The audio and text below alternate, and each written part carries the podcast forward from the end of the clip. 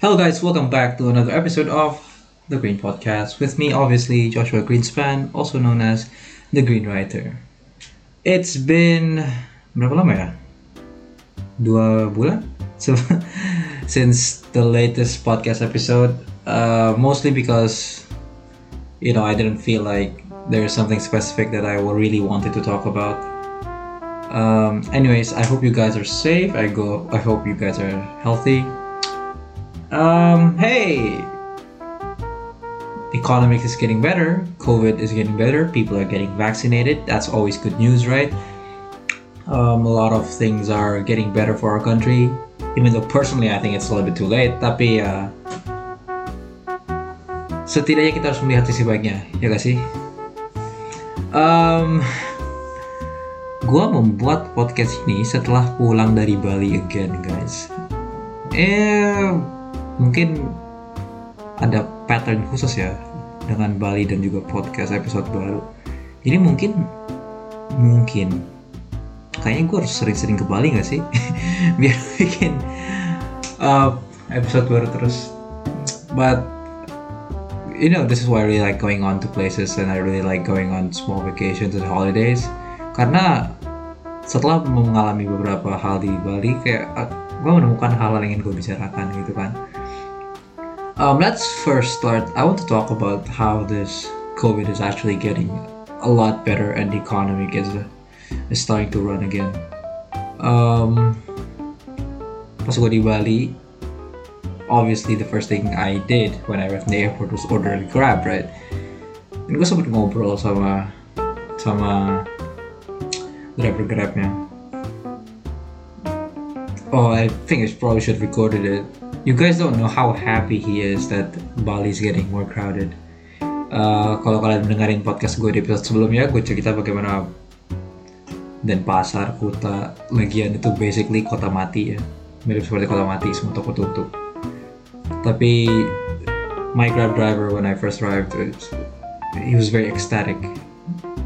Dia sangat bahagia melihat kondisi Bali yang semakin ramai. Dan ketika gue bilang kayak beli. Udah lebih banyak orderan gak beli. Dia jawabnya oh iya mas. Aduh saya bahagia banget mas. Dulu itu pas baru-baru covid sehari bisa satu order doang dua hari doang. Sekarang lumayan bisa delapan. Dan delapan order. Delapan order sehari itu nggak menurut gue sebenarnya nggak banyak ya. Itu banyak gak sih? Does anyone know if eight orders a day is actually a lot or not? I don't have the data. I think I need to ask like these drivers but I think in 24 hours, driving eight different customers is not a lot. Personally, okay? Considering how many people we have in this country, I don't think eight eight customers a day is a lot. It's not a lot. Okay, it's very little. Tapi untuk that Grab driver 8 order sehari itu udah udah udah sangat banyak. Dia sudah sangat bahagia dengan itu. Karena dibandingin masa-masa covid pas awal apalagi not gue bukan bahkan bukan pas awal ya. Kemarin gue ke Bali itu pertama pas Juli ya. Dibandingin dengan Juli dia ada satu satu order sehari ban sekarang dia bisa dapat 8 which is 8 kali lipat gak sih? That's the math right? 8 kali lipat kan dan dia sangat bahagia dengan itu. I think that's that's a really good sign for where this country is heading. Uh, personally, gue merasa itu sedikit terlambat karena negara-negara lain sudah duluan. Kita lihat negara-negara di Barat, Amerika, Inggris, Italia, mereka udah udah lebih cepat lah langkahnya untuk kembali normal. Um, it's a little bit too late, but it's a little bit too late, but it's never too late. You know what I mean? Anyways um, other than that i also get to talk with uh, recep- the receptionist in my hotel. Um, dia bilang lumayan sudah bisa dua lantai sekarang walaupun agak dipisah-pisah pengunjungnya. Which is great man. Kemarin terakhir pas gue ke Juli ke Bali itu bayangin satu hotel cuma ada empat kamar yang diisi empat pengunjung empat eh empat kamar yang diisi eh nggak empat pengunjung sih anyways empat kamar yang diisi terakhir gue ke Juli Juli ke Bali empat kamar yang diisi dan sekarang sudah katanya dua lantai. It's a different hotel, but I mean you get the you get the comparison, right? It's a little bit more. It's it's it's starting to get better now. Um, juga kalau lu jalan itu suara motor, suara mobil itu terasa banget bedanya. Dan gue berharap ini nggak terjadi di Bali dong ya. Gue berharap ini terjadi di tempat-tempat lain yang memang mengandalkan pariwisata sebagai main income-nya. Um, kemarin juga gue ke Krista uh, untuk beli oleh-oleh, and you can feel the life, bisa merasakan kembali like the life of people being inside the building, you know. Pas gue Juli kemarin ke sana, bro, you, you don't have that that feeling of being in a place with other people. It feels like you own the entire place. But now you feel like, oh, this is this is this is what being in the middle of a store feels like. You know what I mean? And semuanya masih sesuai ya dibatasin. Kalau lu masuk harus pakai peduli lindungi juga dibatasin. Kan berapa? 1500 orang kalau nggak salah di salah satu cabang di Kristen cuma bisa boleh 1500 orang di salah satu cabang Kristen and like oh, that is that is, that is I feel like that is a big improvement than what it was in July. Um, anyways that's enough talking about Bali. Um, let's move on and talk about something else that still COVID related but I think it still needs a little bit more attention. You know banyak banget kita di Jakarta online learning melalui Zoom melalui Microsoft Teams melalui platform-platform lain. And we I think we take that for granted honestly. Uh, beberapa minggu bulan lalu I don't remember when. Gue nggak inget tepatnya kapan. Tapi gue sempet berbicara dengan my barber. Apa sih barber bahasa Indonesia nya tukang cukur rambut? I don't know. It feels different. Like barber a little bit feels more professional you know? And also, I'm just gonna use the term barber right gue sempat berbicara dengan my barber dengan barber gue dia cerita bahwa ponakan-ponakannya balik di desa. Dia dari dia orangnya dari Garut. Uh, dia dari Garut ke sini emang pengen buka toko apa barbershop ya dia bilang tapi saudara-saudara apa ponakan-ponakannya balik di Garut? Susah banget men belajar online. Udah dua tahun udah dua tahun dia belajar mereka belajar online. Dan dia menyaksikan ponakannya yang dari TK sampai sekarang. Kemarin dia bilang kelas 2 ya? 2 apa kelas 3 gitu gue lupa. Tapi nggak bisa membaca. Kenapa nggak bisa membaca? Ya karena tidak ada yang tidak cukup materi pembelajaran hanya melalui online. Dan gue gue merasa itu sangat sedih ya mungkin kayak kalau lu kuliah atau lu orang SMP SMA yang pendidikan lu kayak pendidikan dasar lu dari PAUD itu sudah sudah ada. Ketika lu bertransisi ke Zoom meeting online virtual itu ya materinya ada gitu. You can just keep on learning the materials lu cuma bisa belajar materi kalau ada tugas lu kerjain segala macam. Tapi kalau lu dari anak-anak kecil yang memang dari dasarnya tuh memerlukan pelatihan motorik pelatihan soft skills dan peran guru sebagai yang membimbing dan membangun di situ memang diperlukan secara fisik menurut gua. Itu itu sangat diperlukan dan itu sangat susah men.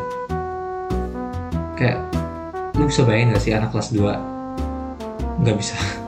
Nggak bisa membaca karena belajar online terus. Dan eh, tapi mau di kita mau bilang ada yang salah juga salah siapa? Mungkin salah menurut gue salah sistem pendidikannya sih yang meloloskan anak ini sampai kelas 2 tapi tidak bisa membaca.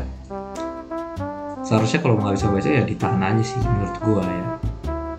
Tapi kalau hal ini memang terjadi di tempat-tempat lain and I don't have the data for this. I'm just saying this based off a personal story from my barber but if this actually is happening everywhere else I think we need to find a solution ASAP about these elementary studies, you know. Karena pendidikan anak pas di usia dini itu tidak bisa disamain, man, menurut gue dengan pendidikan SMP, SMA, pendidikan tinggi di kuliah.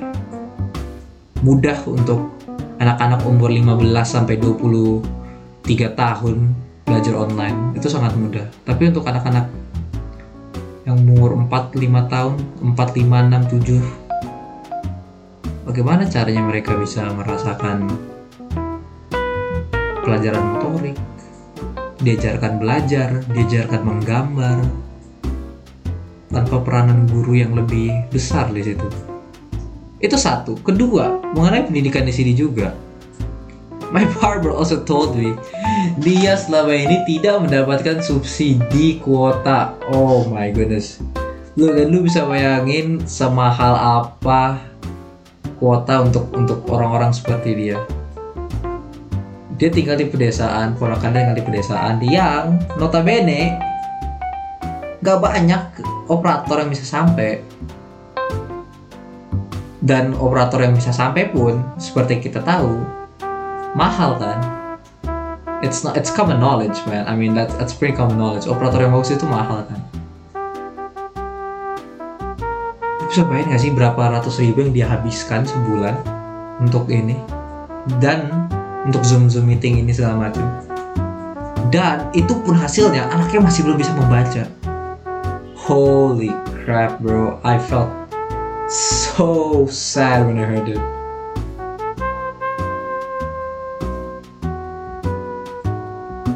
Karena gua aja mahasiswa dari kampus swasta kampus swasta loh. Dapat subsidi kuota. Ini ini TK negeri ada nggak sih TK negeri? TK SD negeri? Ah, anyways. Negeri kayaknya. SD negeri. Nggak dapat kuota nggak dapat kuota karena dia di, di pedesaan. Kayak the balance of infrastructure here is really really sad you know it makes me really sad to hear these kind of stories when I know that we could do so much better.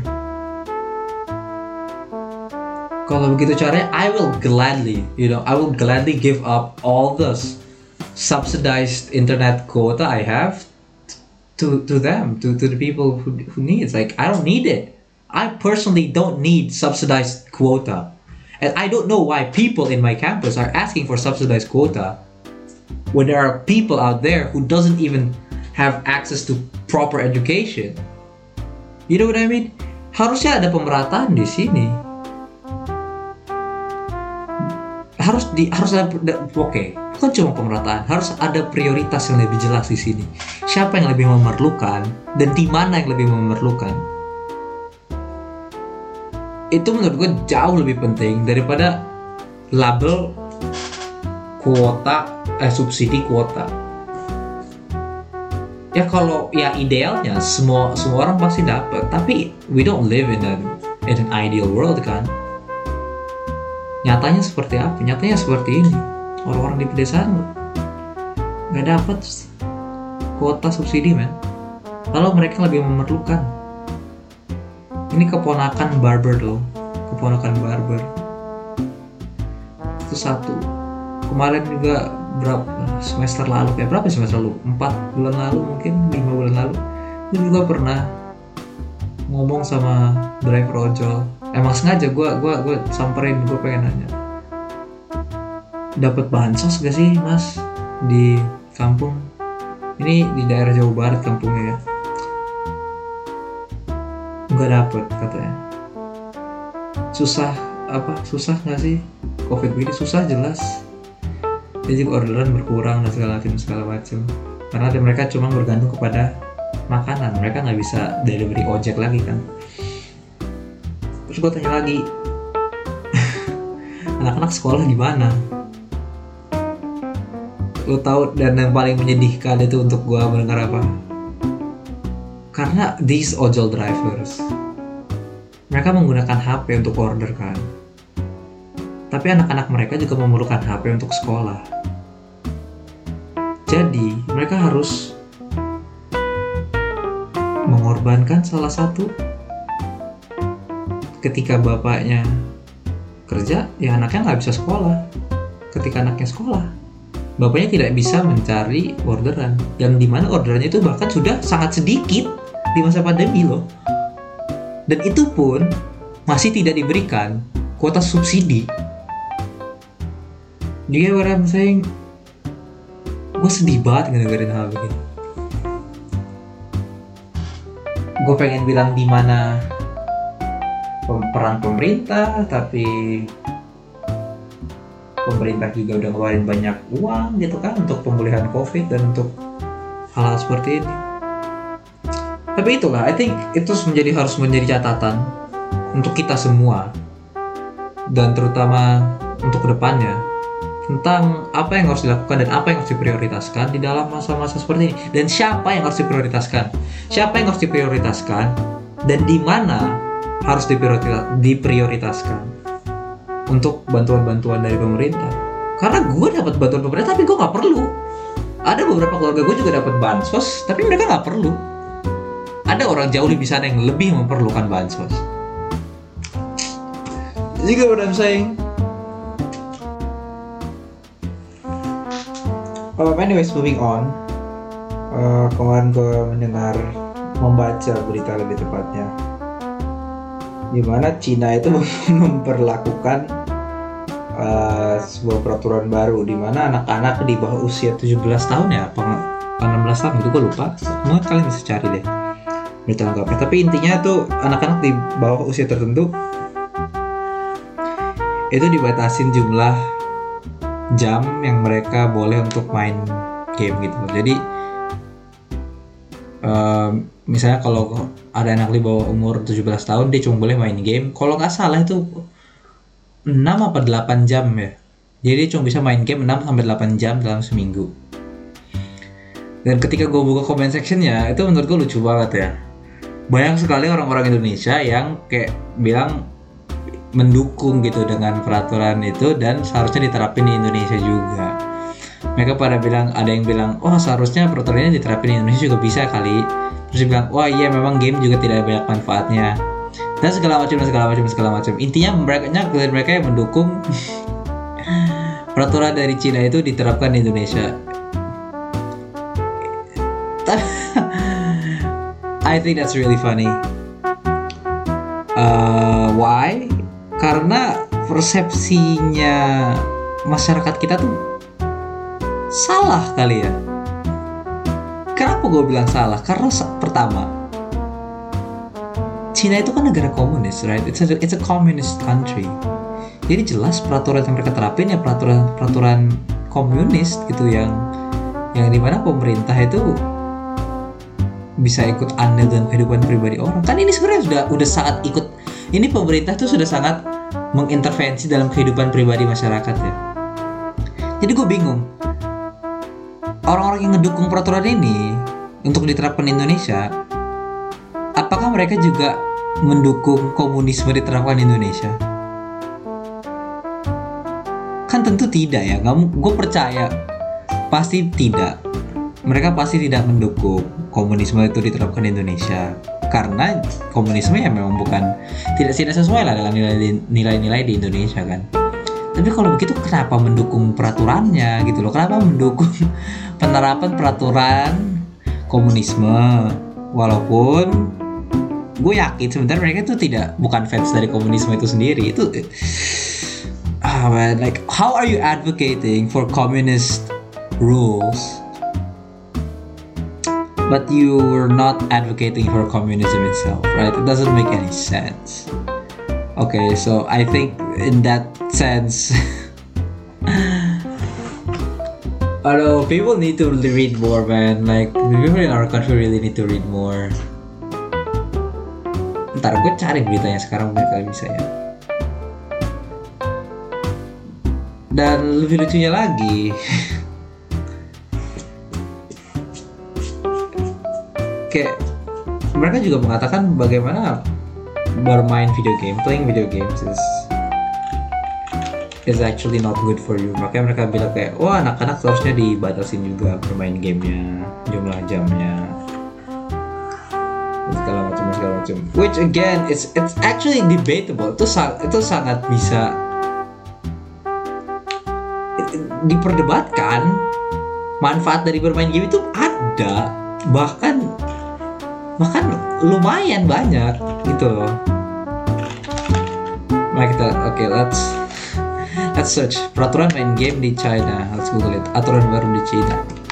Oke, okay, diliput dari kompas.com. Aturan baru Cina, anak-anak hanya boleh main game online 3 jam seminggu. Beijing, kompas.com, Cina melarang anak-anak bermain game online selama lebih dari 3 jam seminggu. Aturan ini merupakan pembatasan paling keras sejauh ini pada industri game China saat regulator Cina terus menindak sektor teknologi. Anak di bawah umur di Cina hanya bisa bermain game antara jam 8 malam sampai jam 9 malam pada Jumat akhir pekan dan hari libur nasional mulai 1 September.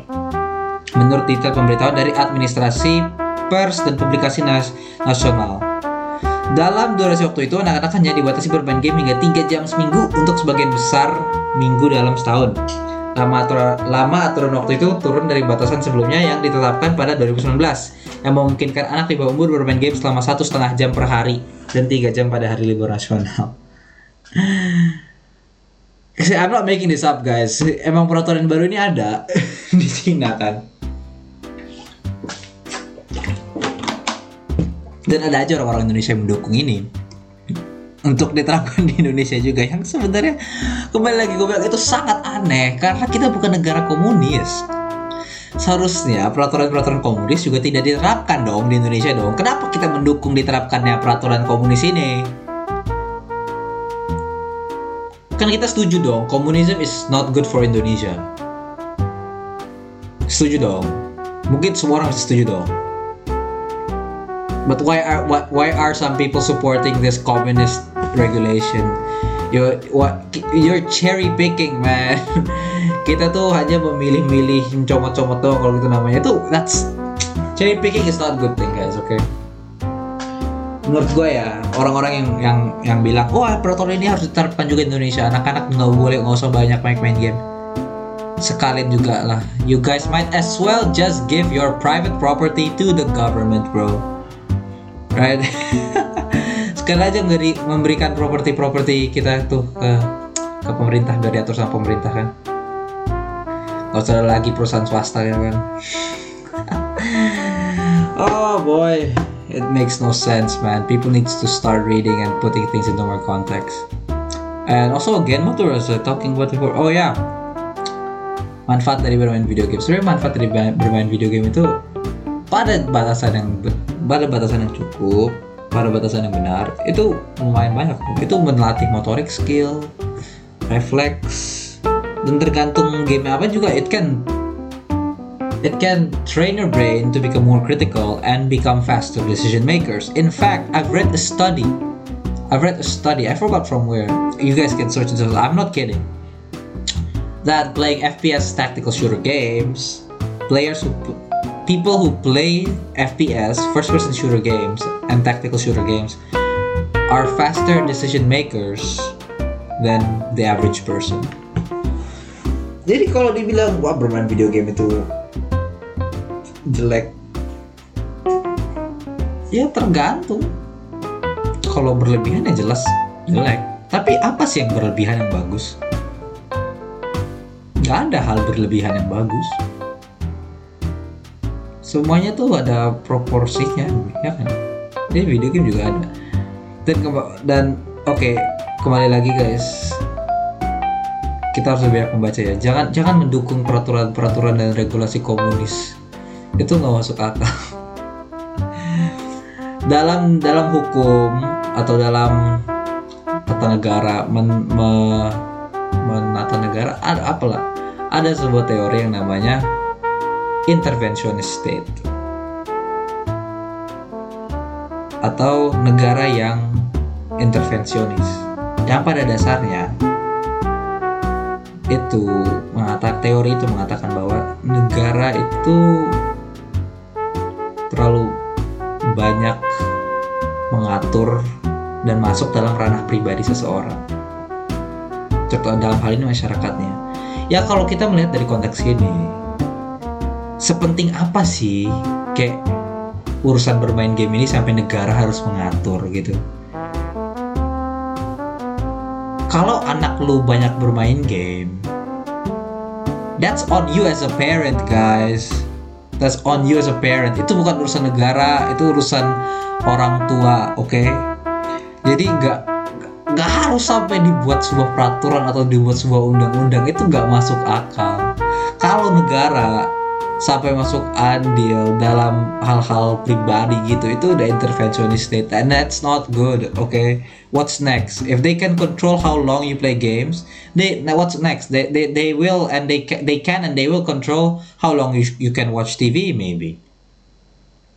Or how long you should be on the internet. And then what's next? How long you should take a shower? How long you should eat? How long you should spend time in the toilet right you get what I'm saying? If they can do that on your private aspects, on on one private aspect, they can do that on other private aspects, and you don't want that. That's not that's that's what but that's communism, right? Jadi kalau kita lo mendukung peraturan bermain game di Cina ya yang untuk anak-anak kecil dibatasin, lo juga mendukung diterapkannya peran pemerintah dalam ranah-ranah pribadi lainnya. So, lebih kritis lah dalam dalam memberi opini gitu. Jangan kayak oh bermain game jelek. Oh iya harus dibatasi juga. No that doesn't work like that. Oke okay. um, what else we need to talk about? Oh kemarin ini juga sedang ramai itu berita tentang mensos yang baru Ibu Risma marah-marah di sebuah rapat uh, konteksnya karena katanya ada data yang hilang. Bentar dan dia nggak mau nanti malah kementerian yang dimarahin. Uh, di Gorontalo ya kalau salah kemarin. Bentar let's let's search it up oke? Okay? nah ini bentar gue cari dulu beritanya. Uh, oke okay, tersinggungnya gubernur Gorontalo Gegara Risma marah-marah ke warganya Menteri Sosial Tri Risma hari ini sempat naik pitam hingga menunjuk seorang pria ketika melakukan rapat terkait urusan data di Gorontalo. Ternyata sikap Mensos Risma ini membuat Gubernur Gorontalo Rusli Habibi tersinggung. What the hell? Yang dimarahin bahkan bukan lu, men. Kenapa lu yang tersinggung? What? How does that even make any sense? Kenapa ap, kenapa sih kita tuh mau tersinggung untuk orang lain? Kayak orang lain yang dimarah-marahin sama menteri. Ini by the way dia yang marahin sekelas menteri oke? Okay? jadi it makes sense lah. Nggak mungkin kayak menteri marah tanpa sebab kan? Ini yang marah menteri gitu loh. Terus yang yang dimarahin juga bukan dianya. Tapi kenapa ya? Kenapa gubernur Gorontalo nya yang tersinggung? Anyways aksi Risma marah-marah terekam dalam video yang di akhirnya beredar luas di media sosial. Awalnya seorang pria berdiri di sisi depan sebelah kanan Risma sedang berbicara sambil sesekali pegang handphone. Risma pun sesekali merasa pernyataan tersebut. Jadi bukan kita cor ya. Risma sama memegang mic seperti dalam video. Namun mendadak perhatian Risma tertuju pada pria berkemeja merah yang ada di sisi depan sebelah kirinya tak tembak kamu ya kamu tak tembak ya coba kepada pria yang menggunakan kemeja merah tidak jelas alasan Risma tiba-tiba bersikap demikian akan tetapi ketika Risma berjalan pria berkemeja merah yang mulai duduk itu berdiri Sontak pria yang sebelumnya berdiri ketika hadiah Risma jadi terduduk seketika akibat dorongan Risma. Suasana rapat pun menjadi hening. Uh, bla bla bla bla bla bla bla bla bla. Gak dibilang tapi di sini apa alasan parahnya. Mensos Risma marah-marah di Gorontalo karena urusan data. Video memperlihatkan Mensos Tri Risma, Risma hari ini atau Risma naik pitam saat rapat di Gorontalo karena urusan data tersebut beredar di media sosial. Risma marah-marah kepada seorang pria peserta rapat. Jadi bukan kita coret ya, kata Risma.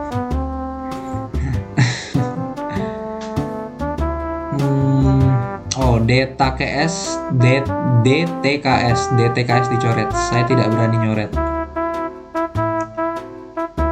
Uh, oke okay, karena lama nyari beritanya yang menjelaskan. Singkat gua singkat gua oke okay, correct me if wrong. Menteri Risma ini marah-marah karena ada sebuah data yang dihilangkan. Padahal ini kan berada di bawah langsung oleh Kementerian Sosial. Nanti kalau datanya hilang terus ada kenapa-kenapa entar juga yang disalahin Kementerian Sosialnya kan makanya si Bu Risma ini marah-marah which makes perfect sense oke okay? it's not itu bukan berita baru lah Oke, okay, mungkin itu sudah udah udah common knowledge, udah berita udah udah apa sih? Pengetahuan umum. Memang banyak hal-hal dalam pemerintahan yang datanya sering tidak sesuai atau kadang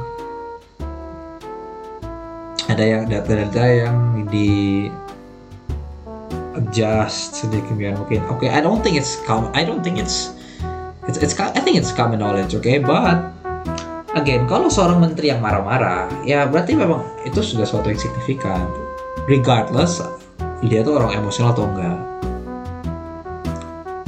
oke okay. dan gue liat banyak banget di komen komen komen di Instagram dan Twitter tuh kayak kok marah-marah terus? Bu gak harus marah-marah juga kali. Kenapa harus eh I, come on man. Mau sampai kapan kita membiasakan sebuah kesalahan? Menormalisir menor, normal normalisir? Why sit when until when are we going to normalize mistakes? Okay? We shouldn't be normalizing mistakes and when you're working in the government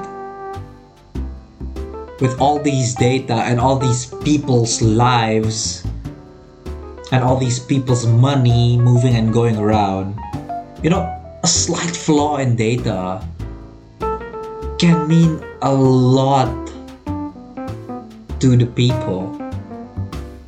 And I couldn't I could understand why the minister the social minister would be angry. Kan bisa diomongin baik-baik, sih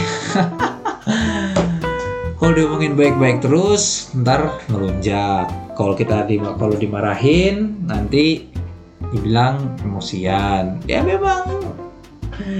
Memang apa pun yang kita lakukan kayak people were, are going just to find a an answer to it right? So people are just going to find an answer to whatever he, she does.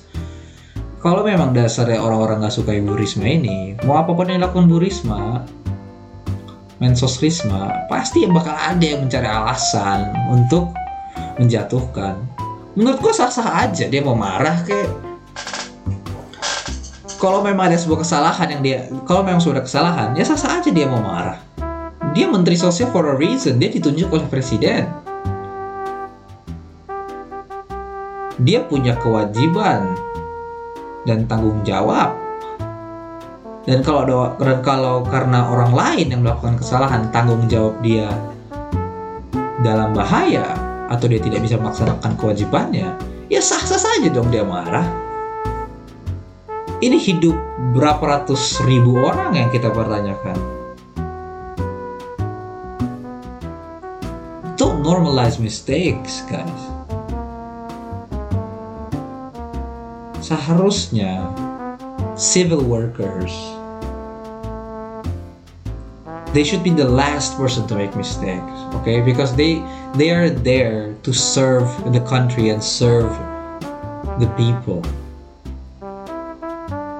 So i get i completely understand why she yelled and why she got really mad and angry i'm not saying i should i'm justifying her her acts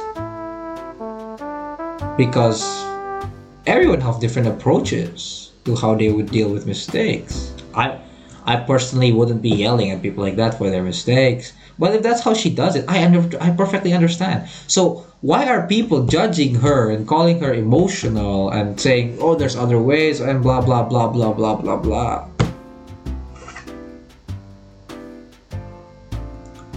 Think instead of judging her and saying all that dumb stuff about gak usah marah-marah terus lah teriak-teriak terus menteri kok begini? Seharusnya seharusnya justru kalian semua orang-orang itu yang komennya begitu bangga dong memiliki sebuah orang menteri sosial yang kompeten dan konsekuen. Dan peduli kalau dia nggak peduli dia nggak bakal marah-marah justru dia marah-marah karena dia peduli dengan pekerjaannya hello come on guys so I don't know what I don't know what else is going like there's so many things that's going on in this country in the short two months that I wasn't making any episodes. But again, I think the main issue comes down to the people. Like, our people are not reading enough. And we are so quick to give an opinion without actually reading or understanding the context or even,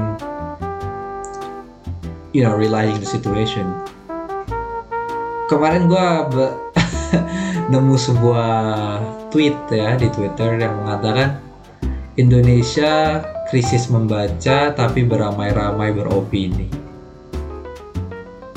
Itu itu I couldn't have I couldn't have said it better about the communism in China and about Risma now and stuff like that. Uh, anyways, I think that's all I have for the news and things like that. Um, I have one more thing to talk about. This time it comes from a request, a listener's request yang datang ke DM gua beberapa minggu lalu. Bro, coba ngomongin tentang hal-hal yang lebih ringan, bro. Contohnya mungkin orang yang gemuk tapi bukannya berusaha menjadi kurus dia malah mendorong orang lain untuk menerima kegemukannya maksud gue ya kalau lu gemuk gemuk aja gak usah nyuruh nyuruh gue untuk menerima kegemukan lu coba mungkin gitu bisa dibahas bro uh, this comes from a DM from one person. Okay I will talk about it.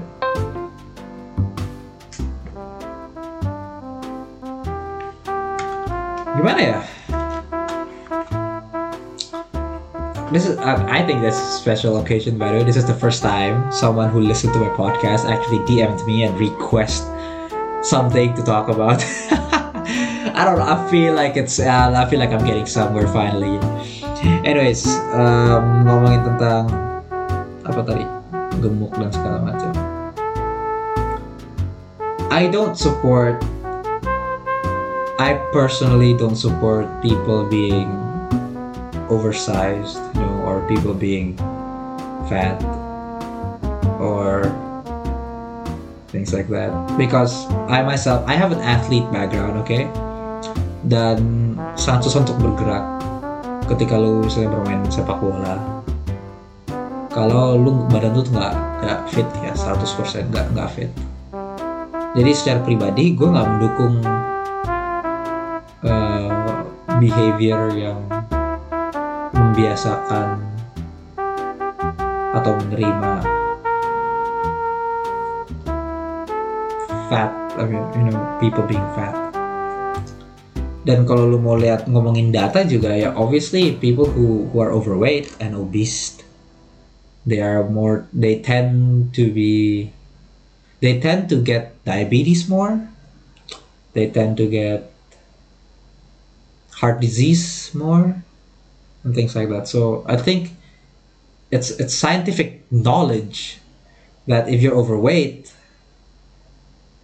you get a higher chance of getting sick. Right? So personally I don't I don't I don't support that kind of things. Tapi kalau ada orang-orang yang dia gemuk dan dia bahagia dengan kondisi seperti itu ya I don't see a problem with that either dia bebas mau dia melakukan dia bebas dengan melakukan apa pun gitu gue nggak bakal memaksakan apa yang gue perspektif gue tentang obesity kepada orang-orang yang memang bahagia dengan bahagia dengan kondisi mereka yang o- obese, you know. You know what? Nah, lucunya di sini masalah my problem here is that ketika ada orang-orang yang you know like those like what this guy saying like what this guy is saying that these th- this obese person is telling him to to accept his fatness. I don't agree with that. Okay why? Because I don't I don't force you to agree with my point of view about being fat is not healthy. Why are you forcing me to accept you being fat you know what I'm saying I'm not I'm not trying to impose my perspective and beliefs into you so why are you doing it to me if you want to be fat then go ahead being fat I don't I personally won't be fat you know I work I work out and I work hard to keep my body in shape and if you don't want to do that, then so be it. No one's forcing you. If you're happy that way, then go ahead. But don't expect everyone to normalize your condition. And if you do actually feel like you're fat and you want to get healthier and you want to get in a proper shape, then you might as well work out, you know? don't just complain about it and ask people to accept you for who you are. I'm like, that's not how things work. If everybody just accept everything, then there'll be there will never be any progress. Like you recognize a problem, but you know, and you you recognize a problem and you know the solution to it, but you just don't want to do it. You know, uh, for you just don't want to do the solution for no reason. Because it's always easier to sit on your comfort chair and saying please accept me rather than actually standing up and go work and do the hard stuff to get what you want to, to become in a greater shape. It's always better it's always easier to just sit down anyways i don't want to talk about this any longer because i'm probably to get a lot of hate from people who are listening to this but hey, if you disagree, then you can always come up to my DMs uh, or hit the email on the description and we can have a healthy conversation. Yes, healthy conversation. That was unintentional. Anyways, that's all I have for this episode. Um, I hope you guys all stay safe. I hope you guys still wear your mask, get vaccinated. Please, guys, get vaccinated. And I hope everything goes better for our economy in the upcoming times. So, thank you all for listening, and I'll see you all on the next episode. Peace out.